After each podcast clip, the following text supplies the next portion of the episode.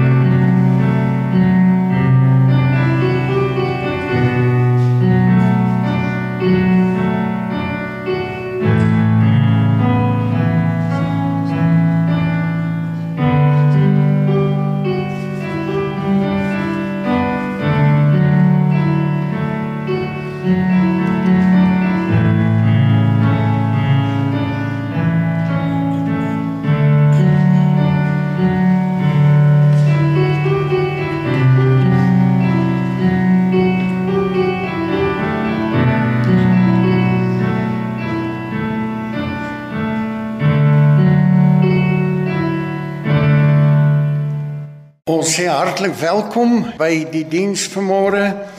Ons sê ook baie baie welkom aan al die luisteraars waar u ook al mag wees. Vriende, die Dio Gloria Baptiste Kerk is 'n kerk in die hart van die stad met die stad op sy hart. Die kerk is geleë dig by die Unie geboue en het 'n roeping om vir die land en sy owerhede te bid. Die gemeente hou afsonderlike Afrikaanse en Engelse dienste. Daar word ook twee weekliks 'n Bybelskool uit die gemeente virtueel aangebied. Vriende, ons gaan nou die Here aanbid en dan gaan ons saam sing die oorwinningslied. Wat 'n vriend het ons in Jesus en o Heer my God.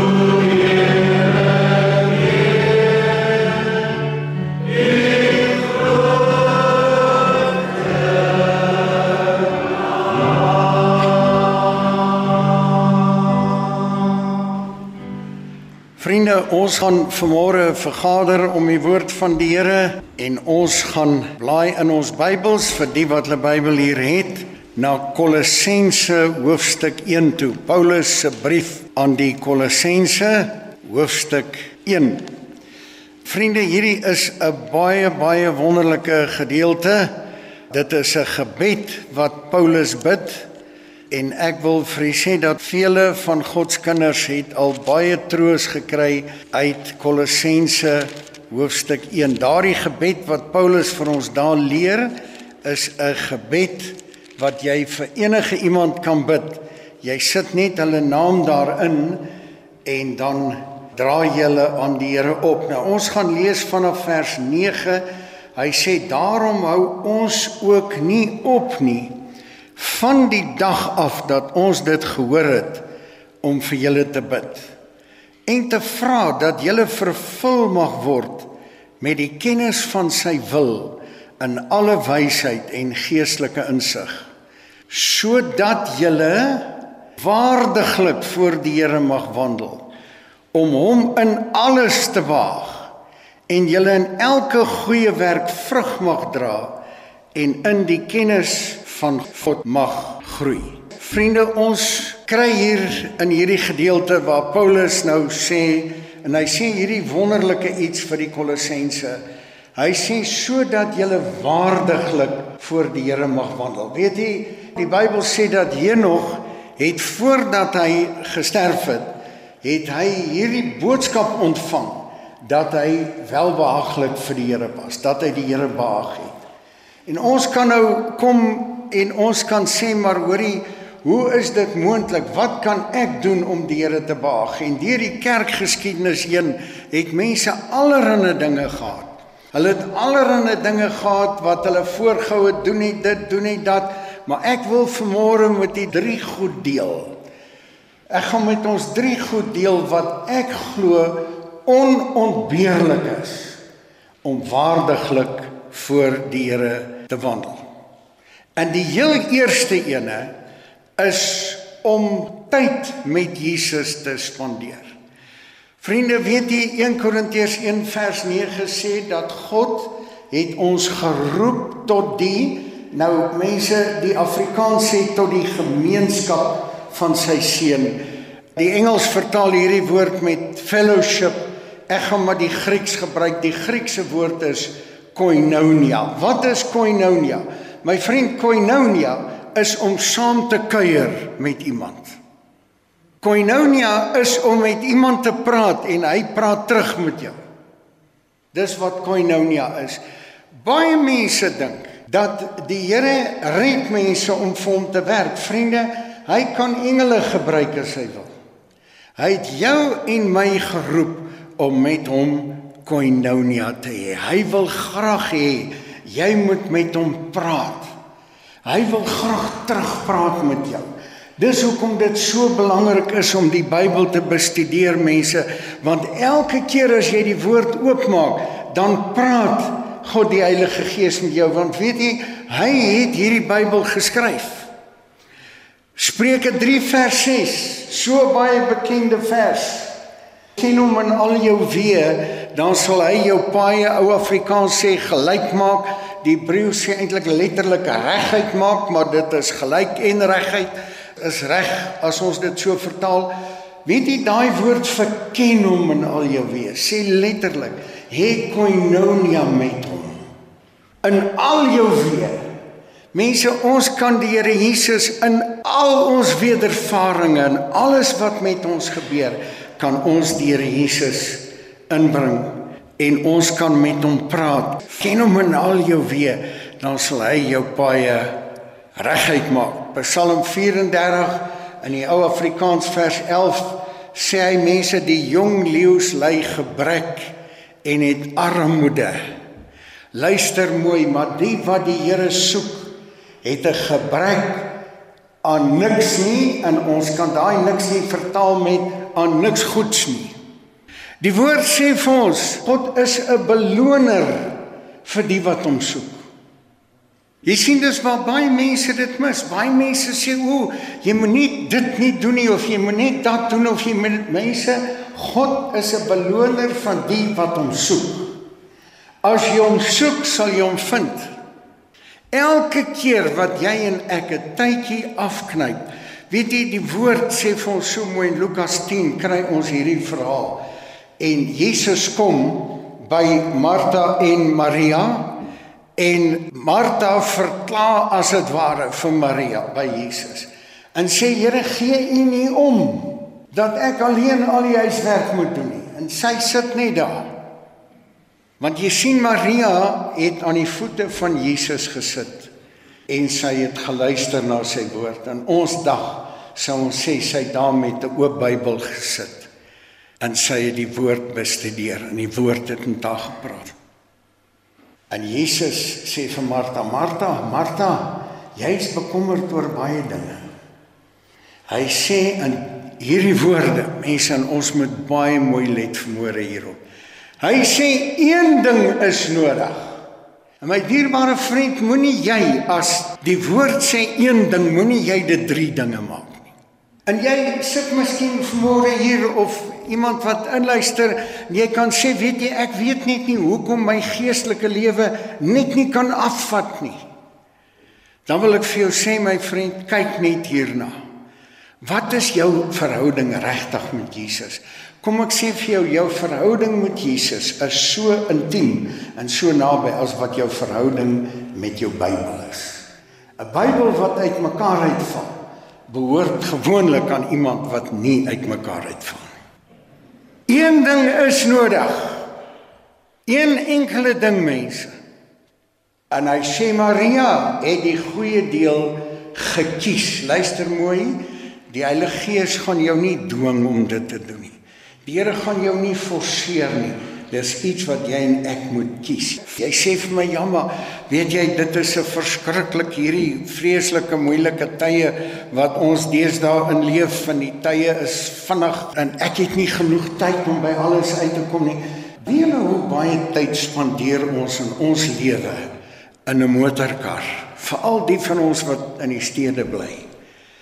My vriend, sit vir jou daar een of ander van die nuwe tegnologie in en luister na die woord of na geesgevulde prediking of na mooi Christelike musiek gebruik daai tyd om koinonia met Jesus te hê. Koop die tyd uit my vriend. Kry vir jou 'n plekkie waar jy kan gaan sit en waar dit net jy en Jesus is. En hoor my mooi mense die duiwel gaan jou teestaan Hy wil nie hê dat jy dit moet doen nie. Hierdie is die vuur in jou lewe wat al die ander vure in jou lewe gaan aan die brand steek. Hier is die kern van die sukses van 'n gelukkige huwelikslewe. Hier is die kern van 'n sukses van 'n gelukkige gesinslewe. Hier is die kern van sukses in jou beroep. Daai persoonlike tyd wat jy met Jesus het. Sit jou selfoon af. Want Tansari gaan bel om oor hulle ouma grootjie se saaggoed pudding resep te vra.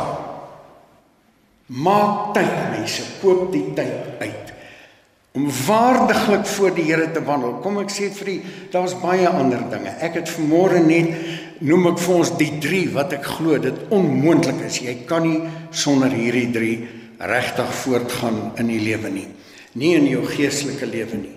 Die tweede ding, mense, en dit is iets wat ek dink ons almal almal weet. Daar is soveel lering wat deesdae beskikbaar is oor dit. Maar weet jy, dit het my net onlangs weer so opgeval. En dit gaan oor vergifnis. Nou as ons hier in Kolossense net blaai na Kolossense hoofstuk 3 toe, dan sien ons daar in vers 13 staan verdra mekaar en vergewe mekaar as die een teen die ander 'n klag het. En dan sê hy hierdie woorde mense en ek dink nie ons dink altyd daaraan nie. Soos Christus julle vergewe het, so moet julle ook doen. Mense, hoe het Jesus ons vergewe? Dit staan in Jesaja 43 Ons kry dit weer in Hebreërs, hoe vergewe die Here ons? Hy sê ek sal aan hulle sonde nooit meer dink nie. Ek sal aan hulle sonde nooit meer dink nie. Nou, ek weet daar is mense wat dit reg kry om te praat sonder om te dink. Maar normaalweg mense, moet jy aan iets dink om daaroor te praat. Weet julle dat as die Here jou 'n sonde vergewe, dan dink hy nooit weer daaraan nie. En hy sê so moet julle vergewe. Wat beteken dit mense? Ek mag nooit ooit weer daaroor praat nie. Daar is twee uitsonderings. Die een is jy kry mense wat so bediening het. Ek weet van 'n spesifieke baie bekende vrou, sy is gemolesteer as kind deur iemand na 'n familie, maar die Here het haar so vrygemaak en vir haar nou 'n bediening gegee om ander vrouens met dieselfde probleem te beraad. Of as jy 'n beraader of 'n Christen sielkundige gaan sien en jy jou verhaal vertel, maar andersins mense is die DNA van vergifnis dat jy nooit ooit weer daaroor sal praat nie. Nooit nie. En ons kry hierdie verhaal in die Bybel in Matteus 18. Hier kom 'n baas aan en die baas het 'n vermoede dat daar's korrupsie iewers in sy organisasie. En hulle bring vir hom 'n man en ek gaan nou maar sê die ou het 10 miljoen rand geskuld. En mense gaan kyk baie mooi na daai gedeelte. Daar staan dat hy en sy vrou en sy kinders en alles wat hy het verkoop moes word. My vriend, onvergewensgesindheid gaan ook jou vrou en jou kinders en al jou besittings affekteer. Dis onontbeerlik, jy kan nie met onvergewensgesindheid deur die lewe gaan nie. Die baas skry hom toe innig jammer. En die baas sê vir hom man, ek skryf dit vir jou alles af. Kom ons sê die 10 miljoen rand. En die ou stap daar uit. En daar kom 'n ander ou na hom toe wat hom 1000 rand skuld. En hy gryp die ou en wiele hy sê vir die ou dieselfde wat die baas vir hom gesê het. En die ou antwoord hom dieselfde wat hy die baas geantwoord het. Sy gee my net 'n kans. Weet jy, daar's 'n Griekse woord makrothumia. Makro beteken in die Grieks lank, thumia geduld. Hy sê wees net baas, wees net geduldig met my. Ek sal jou al hierdie geld terugbetaal.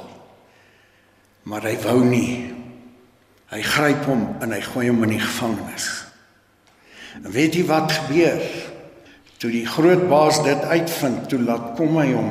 Hy sê vir hom jou slegte diensnig. Hy sê al daai skuld het ek jou vergewe. Moes jy nie dan nou dieselfde gedoen het met daai ou nie? Weet jy wat my vriend, aan die einde van hierdie hele verhaal is albei daai manne in die tronk. En daar staan dat die baas was kwaad. Ons kry in die Grieks twee woorde vir kwaad.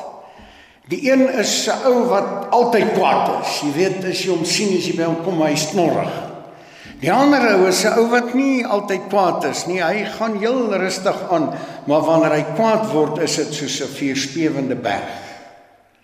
Hierdie baas was kwaad vir hierdie diensneg gewees. My vriend, ons moet vergewe soos wat ons vergewe is. Soos wat Jesus jou vergewe het. En nou wil ek vir jou sê en dis baie baie belangrik mense. Weet jy jy moet ook jouself vergewe soos wat Jesus jou vergewe het. Jy moet ook jouself vergewe. Wat beteken dit? Ek gaan nie weer daaraan dink nie. En wanneer die vyand kom en hy hierdie gedagtes voor jou bring mense, dan gaan jy dit eenvoudig nie aanvaar nie. Want Jesus dink nie daaraan nie. Ek dink nie daaraan nie. En wie is die duiwel om daaraan te dink? En dit hier voor my kop te kom gooi. Vergewe ook jouself. Weet jy daar's so 'n mooi Griekse woord wat ons kry in die Grieks hapax. Dit beteken eens en vir altyd. Eens en vir altyd. Ek aanvaar nou hierdie vergifnis van die Here eens en vir altyd. En ek sal enige iemand wat teenoor my oortree op hierdie selfde manier vergewe. Vriende, die derde ding wat ek graag vir ons wil voorhou vanmôre. En dit is iets wat ek vir julle wil sê wat die verskil gaan wees tussen om regtig 'n aangename en 'n vrolike lewe hier op aarde te hê teenoor 'n miserabele depressief geneigde lewe. En dit gaan oor die woord dankbaarheid. Weet julle hierdie brief aan die Kolossense wat ons hier lees? Hy het 4 relatiewe kort hoofstukkies. Sesmaal kry ons die woord dank en dankbaarheid in hierdie 4 hoofstukke. Sesmaal. Weet julle dat murmurering is iets wat Paulus in 1 Korintiërs 10 in dieselfde kategorie plaas as hoerery en afgodediens. Vriende, hierdie is nie maar net iets wat ag, weet jy, dit klink so mooi en ja, nee, weet jy, ons leer van kleins af jy moet sê dankie as daar iets vir jou gedoen word. Ek wil vir julle sê my liewe vriend, dit is 'n wilsbesluit wat jy en ek moet neem dat ons gaan dankbaar wees. Daar is in die Hebreëse woord tot da en daai woord tot da beteken om te prys om die Here te prys, maar dieselfde woord beteken ook om dankbaar te wees. Om dankbaar te wees. Iemand het eendag gesê dat 'n Christen se volwassenheid word daarin gemeet dat hy in elke omstandigheid iets sal kry om die Here voor dankbaar te wees. Om dankbaar te wees. Om dankie te sê al is dit hoe moeilik. Kom ek sê vir julle, ons kry twee skrifgedeeltes hier. In 1 Tessalonisense 5 vers 18 staan daar dat ons moet in alles dankbaar wees. Nou mense, dit beteken dat al gebeur daar 'n slegte ding met ons. Weet julle die ergste wat met jou op hierdie aarde kan gebeur, is dat jy kan doodgaan en hemel toe gaan. Om in dit te weet, Here, dis 'n slegte ding wat met my gebeur het, maar ek is U baie baie baie dankbaar. Want ek weet op een of ander manier gaan U tog hierdie vir my ten goeie laat meewerk. Vriende, dis 'n vers in die Bybel wat voorop behoort te staan in elke kind van die Here se lewe. Romeine 8 vers 28. En ons weet, ons weet dat vir hulle wat God liefhet alles. Nie net party goed nie nie net die goeie goed nie alles ten goeie meewerk vir hulle wat God liefhet vir die wat na sy voorneme geroep is. Efesiërs 5 vers 20 sê wees dankbaar vir alles. Mense besef ons dat elke goeie gawes sê die Bybel kom van bo af. Mense, en kan ek nou vandag vir jou iets sê? Die Here Jesus hou daarvan om te hoor hoe sê ons vir hom dankie. Hy maak 10 melaatses gesond, 9 gaan op hulle pad. Hulle is vrolik, hulle is genees. Een draai om. En hy kom sê dankie en die Here vra, Maar het ek dan nie 10 gesond gemaak nie? Hoe is dit nou? Laat net een terugkom. Hy hou daarvan dat jy vir hom dankie sê. Filippense 4 vers 4 sê ons moet die Here in alles met gebed en smeking en danksegging laat julle begeertes bekend word by God. En danksegging. Ons moet dankie sê mense. Weet julle daar's soveel goed En ek sê dit net altyd mense dat weet julle wat ek dink dat daar is baie goed wat ons in die hemel eers eendag gaan sien. Hoeveel ongelukke het hy jou en my van bewaar wat ons nie eens van weet nie. Hoeveel ellendes wat die duiwel vir ons beplan het wat nooit eers oor ons weggekom het nie want die Here het ons bewaar daarvan. Weet jy wat is effektiewe gebed? Dis daai ding wat jy elke dag doen. Nie net wanneer jy daarna voel nie, want die duiwel sal sorg dat jy nooit daarna voel nie. Daai ding wat jy elke dag doen, sê elke dag vir hom dankie. Maak 'n gewoonte daarvan om voordat jy gaan slaap vanaand, daar tussen wat jy die lig afsit en dan in slaap raak, deur die dag gaan in jou gedagtes en vir hom dankie sê. Sê vir hom dankie vir daai vrou van jou. In steede om te kla dat sy dit en dat in die volgende verkeer doen, sê dankie vir haar. Sê dankie vir jou man. Sê dankie vir jou kinders. Sê dankie vir jou huis, daai huis wat jy het. Die seën van die Here is op hom. Wanneer laas het jy vir die Here dankie gesê vir jou huis, jou kar, jou kinders? Mense, kyk waarvoor jy kan dankie sê. Moenie net murmureer. Sê dankie mense. Mense, ons as ouers is so. As ons kinders dankbaar is, dit noop jou om vir hulle nog meer te doen. Is dit nie so nie? Wees dankbaar, mense. Weet julle, ek besef vandag net hoe baie dinge het ons as kinders mee groot geword wat ons nie besef het dat ons daarvoor moet dankbaar wees nie. Elektrisiteit. Baie wat nie potholes in het nie. Vars water sê dankie. Laat dit 'n gewoonte in ons lewens word om vir die Here baie dankie te sê. Dankie vir die werk wat jy het. Dankie vir jou beroep. Mense, daai oomblik as jy daai wilsbesluit neem en jy begin dankie sê, daai oomblik gaan jy sien, soos wat jy vir die Here dankbaar is, so gaan die dinge in jou lewe begin verander sodat jy waardiglik voor die Here mag wandel. Sien ongelukkig in die kerkgeskiedenis het hulle dit so baie keer uiterlike goed gemaak. Maar ek wil aan hierdie drie dinge voorhou my vriend. Hê koinonia met Jesus. Vergewe soos wat Jesus jou vergewe het. En wees dankbaar. En dit kan nie anders as dat jy 'n voorspoedige en suksesvolle geestelike lewe sal hê. Amen. Gemeente ontvang nou die seën van die Here, die barmhartigheid, genade, vrede en liefde van God die Vader, God die Seun en God die Heilige Gees. Sy en bly met u almal van nou tot en wanneer Jesus kom. En al Jesus se kinders sê: Amen.